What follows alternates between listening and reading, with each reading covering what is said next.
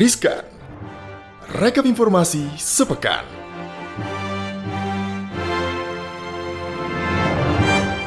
Halo, selamat pagi, selamat siang, selamat sore, selamat malam, Sobat Cuan semuanya. Balik lagi di Riskan, rekap informasi sepekan.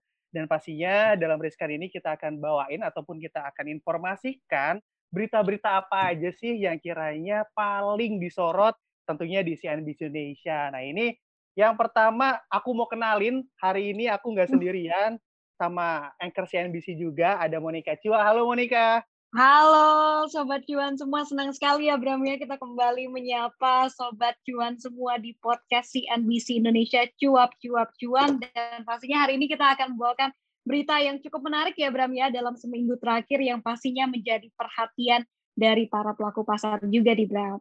Benar banget Moni. Kalau dari berita yang pertama nih ini pasti menarik banget hmm. karena memang kan uh, pemerintah nih lagi menggebu banget ya untuk menggenjot tentang vaksinasi. Nah, ini ada uh, kabar begitu Indonesia kedatangan vaksin COVID-19 dari Johnson Johnson. Nah, kalau misalnya kita tahu kan ada Sinovac, ada AstraZeneca, hmm. uh, terus baru-baru ini juga ada Moderna, kali ini dari Johnson Johnson dan juga kalau dilihat dari berapa banyak dosis yang masuk, pemerintah mempublikasikan itu ada sekitar 500 ribu dosis vaksin COVID-19 produksi J&J atau Johnson Johnson untuk pertama kalinya tiba Indonesia pada hari Sabtu kemarin di 11 September 2021. Nah ini kedatangan vaksin ini termasuk tahap 56 merupakan bantuan dari pemerintah Belanda gitu kan dan juga untuk hmm. membantu mempercepat cakupan vaksinasi COVID-19 di Indonesia. Dan kalau aku lihat datanya per awal September uh, itu memang dilihat itu cakupan ataupun realisasi dari program vaksinasi ini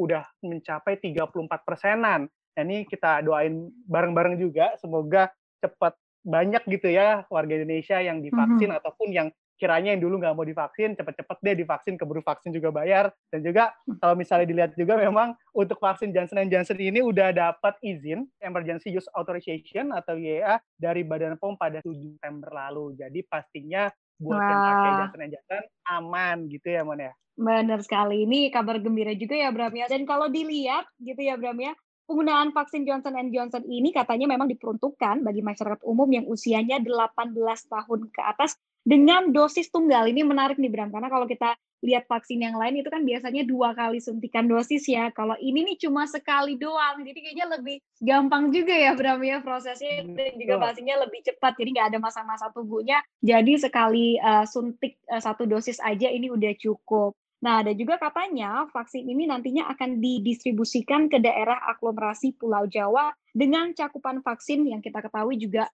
sebenarnya masih rendah juga ya kalau kita berbicara terkait daerah dan juga di pedalaman-pedalaman. Nah, kalau kita lihat juga nih bersamaan dengan kedatangan vaksin Johnson Johnson kali ini, katanya juga tiba 2 juta 75 ribu dosis vaksin Sinovac yang sudah jadi. Pastinya sekali lagi kita ingatkan ya Bram ya kepada sobat-sobat cuan, jangan takut divaksin kalau bisa mendapatkan vaksin secepat atau sesegera mungkin ya langsung aja deh datangin tempat-tempat fasilitas kesehatan gitu. Nah selanjutnya kita ke berita selanjutnya Bram. Ini ada berita yang cukup menarik juga dan ini dampaknya bisa kita lihat nih dalam beberapa hari terakhir ke saham-sahamnya. Yakni di Asia Tenggara saat ini ada pabrik industri baterai di RI. Ini kan memang udah jadi perbincangan pasar cukup lama ya Bram ya terkait wow, dengan yeah. pembangunan pabrik industri baterai di Indonesia ini sekarang nah sudah ada.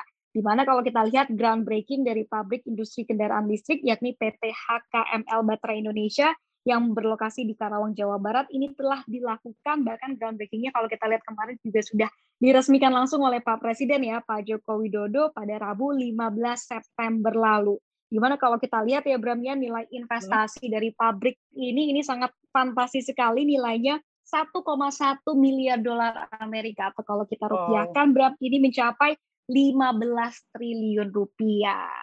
Ya, wajar sih ya kalau misalnya nilai investasinya mm -hmm. gede karena memang apa yang mau didapat dan juga ditargetkan juga lebih besar lagi angkanya. Jadi nggak apa-apa karena hmm. memang Presiden Jokowi juga mengatakan begitu ya pembangunan pabrik ini merupakan bukti keseriusan pemerintah untuk hilirisasi industri. Dan juga kalau kita lihat memang ini era kejayaan komoditas barang mentah begitu seperti nikel, emang udah nggak sementereng dulu. Tapi kalau dilihat-lihat, memang seperti yang Monica tadi katakan, HKML Battery ini memang akan mengubah nikel mentah menjadi barang dengan nilai tambah yang berlipat, karena memang perlu dicatat juga Indonesia juga merupakan salah satu negara dengan cadangan nikel terbesar di dunia. Nah, bisa dibayangin nggak tuh? Semua mata akan tertuju pada Indonesia kalau memang pemerintah Indonesia bisa membuat nikel kita itu lebih uh, menarik ataupun lebih mempunyai nilai ataupun value di mata dunia. Benar sekali Bram. Nah, seperti Bram katakan tadi, bahwa Indonesia ini salah satu negara dengan cadangan nikel terbesar di dunia ya. Kalau kita lihat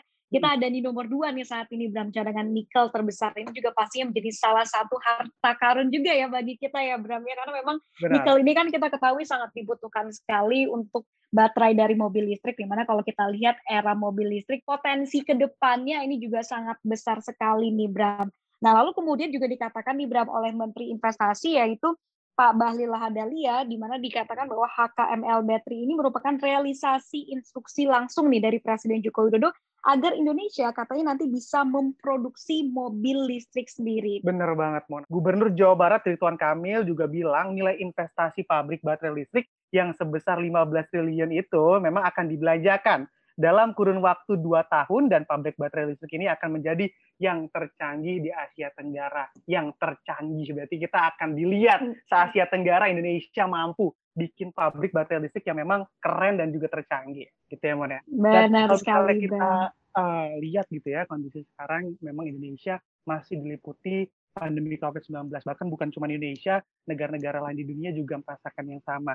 Tapi Presiden Joko Widodo beberapa waktu lalu juga memberikan kabar baik begitu ya bagi para pengusaha usaha mikro dan kecil menengah atau UMKM yang pastinya terkena dampak COVID-19 yang mana memang untuk program Banpres Produktif Usaha Mikro atau BLT UMKM sebesar 1,2 juta rupiah akan kembali dicairkan. Nah, ini happy banget nih pasti yang punya UMKM hmm. karena perlu banget gitu ya dibantu sama pemerintah apalagi kalau kita lihat juga demand-nya ataupun permintaannya juga belum banyak banget sedangkan UMKM ini juga harus di-boost karena turut menyumbang juga nih PDBRI dari UMKM. Benar sekali, Bram. Nah, terus Bram, Pak Jokowi juga mengatakan nih untuk tahun 2021 pemerintah nantinya akan membagikan bahan pres produktif senilai ini cukup fantastis nih, 15,3 triliun yang akan dibagikan kepada 12,8 juta pelaku usaha yang telah dibagikan pada hari Rabu kemarin. Jadi bagi Anda yang punya usaha UMKM yang mendapatkan bantuan ini juga pastinya sedikit banyak akan terbantu begitu ya Bram ya. Benar banget dan pastinya sebagai masyarakat biasa nih aku ya berharap banget hmm. semoga bansos dari pemerintah ini tidak diselewengkan, tidak disalahgunakan dan pasti ketepatan datanya juga baik karena harus tepat sasaran bagi yang membutuhkan gitu jangan sampai uh, BLT-nya dari negara keluar tapi tidak sampai ataupun tidak tersalurkan kepada yang berhak dan juga karena memang kalau dilihat di sini uh, presiden kita Pak Joko Widodo juga berharap BLT UMKM ini bisa mendorong ekonomi pengusaha kecil yang pastinya sedang terdampak pandemi COVID-19.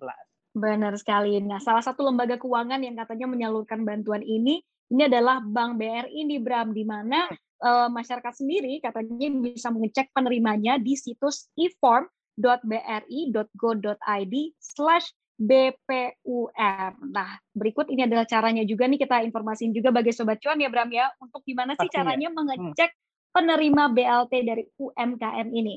Pertama, Sobat Cuan harus kunjungi situs eform.bri.co.id slash BPUM lalu kemudian masukkan nomor KPT dan juga kode verifikasinya, lalu kemudian langsung klik proses inquiry. Nah, nanti jika sudah masuk, para sobat cuan ini akan menerima pemberitahuan apakah sudah mendapatkan bantuan atau tidak. Nah, jika terdaftar sebagai penerima nih, ini akan muncul menu dengan pilihan provinsi, kota atau kabupaten, unit kerja, dan tanggal ataupun jadwal dari antreannya. Nah, lalu kemudian masukkan data yang diminta, jika antreannya sudah penuh pada tanggal yang diinginkan, maka mungkin nasabah atau para sobat cuan ini harus memilih hari lain di unit kerja yang sama. Jadi kalau kita lihat ini juga caranya lumayan gampang ya Bram ya. Sekali lagi hmm. kita ingatkan tinggal ke situs eform.bri.go.id slash BPUM.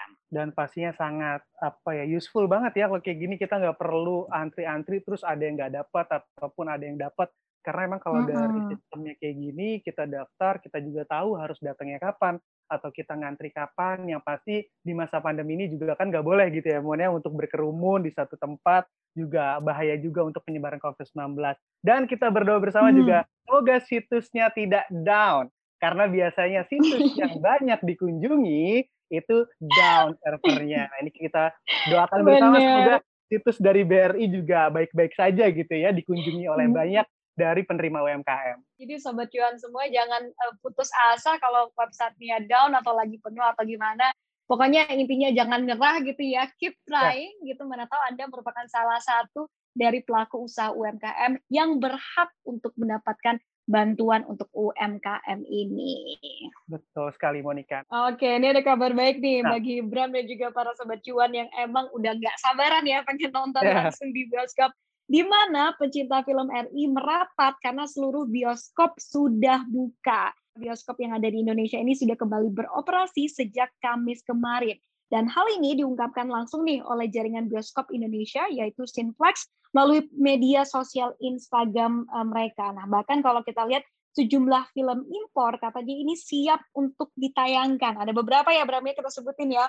Ada yeah. Black Widow, The Suicide Squad hingga Fast and Furious 9. Ini sekarang semuanya udah bisa kita nonton di bioskop. Tapi ada syarat-syaratnya Bram, seperti kita bahas hmm. tadi. Apa aja nih syarat-syarat untuk masuknya Bram? Kalau kita lihat memang bioskop ini memang sebenarnya kemungkinan akan ada juga nih bioskop di beberapa kota yang masih belum diizinkan dibuka karena memang bioskop hanya bisa dibuka di wilayah dengan PPKM level 3 dan juga level 2 serta wilayah mall atau lokasi bioskop juga harus masuk kategori dulu. Jadi buat di daerah-daerah ataupun di wilayah seluruh Indonesia mana pun yang memang PPKM-nya masih PPKM level 4, sabar-sabar dulu di rumah dulu, kita tunggu reda dulu, baru kita nonton bioskop bareng-bareng. Benar sekali. Nah, tapi juga dikatakan ya Bram ya, meski sudah bisa nonton nih untuk di daerah dengan PPKM level 3 dan juga level 2, ini tapi ada sejumlah catatan ya Bram ya.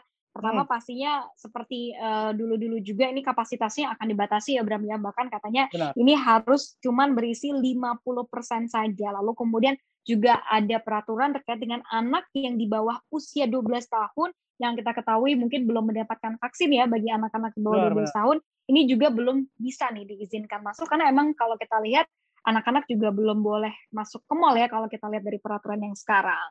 Ya, dan pasti akhir-akhir ini kita juga makin familiar gitu dengan aplikasi uh, garapan pemerintah yaitu Peduli Lindungi yang pasti nanti mau masuk bioskop mm -hmm. kita harus scan QR code dari Peduli Lindungi agar kita juga tertracing begitu ya pergerakan kita ke mana-mana aja dan apakah kita masuk di zona merah ataupun enggak dari aplikasi Peduli Lindungi.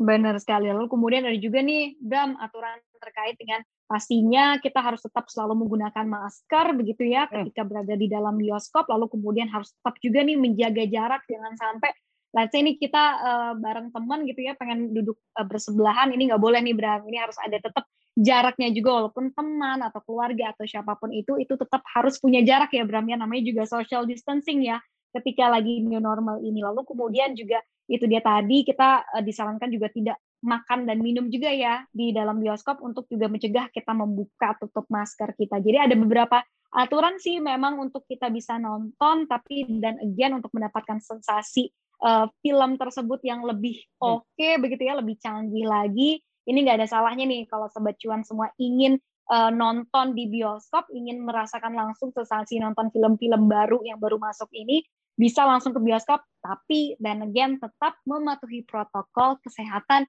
yang super duper ketat. Bener banget tuh, inget nih yang pacaran nih ya, walaupun filmnya seru banget gitu ya, tapi jangan lupa. Jangan duduk sebelah-sebelahan ya. Betul banget kita masih harus jaga jarak gitu ya. Jangan sampai nanti uh, pemerintah udah kasih kelonggaran kita buat nonton bioskop, angka COVID naik lagi, malah kita juga jadi nggak bisa gitu buat uh, nonton bioskop lagi. Iya bener di rumah lagi. Oke, okay, thank you semua sobat cuan yang hmm. udah dengerin podcast kita. Yang pasti jangan lupa selalu dengerin podcast cuap-cuap cuan yang bisa didengerin di Spotify, di Apple Podcast juga kita ada, lalu juga di Google Podcast dan yang pastinya jangan lupa untuk follow IG kita, Instagram kita di @cuap underscore cuan dan juga subscribe YouTube channel kita cuap cuap cuan dan juga like dan juga komen, share sebanyak-banyaknya ke teman-temannya boleh. Benar sekali. Saya Monika Cu mohon undur diri dan juga rekan saya. Dan saya Bramudia Prabowo pamit. Sehat selalu semuanya, jaga kesehatan di masa pandemi COVID-19. Sampai jumpa Sobat Cuan. Bye-bye.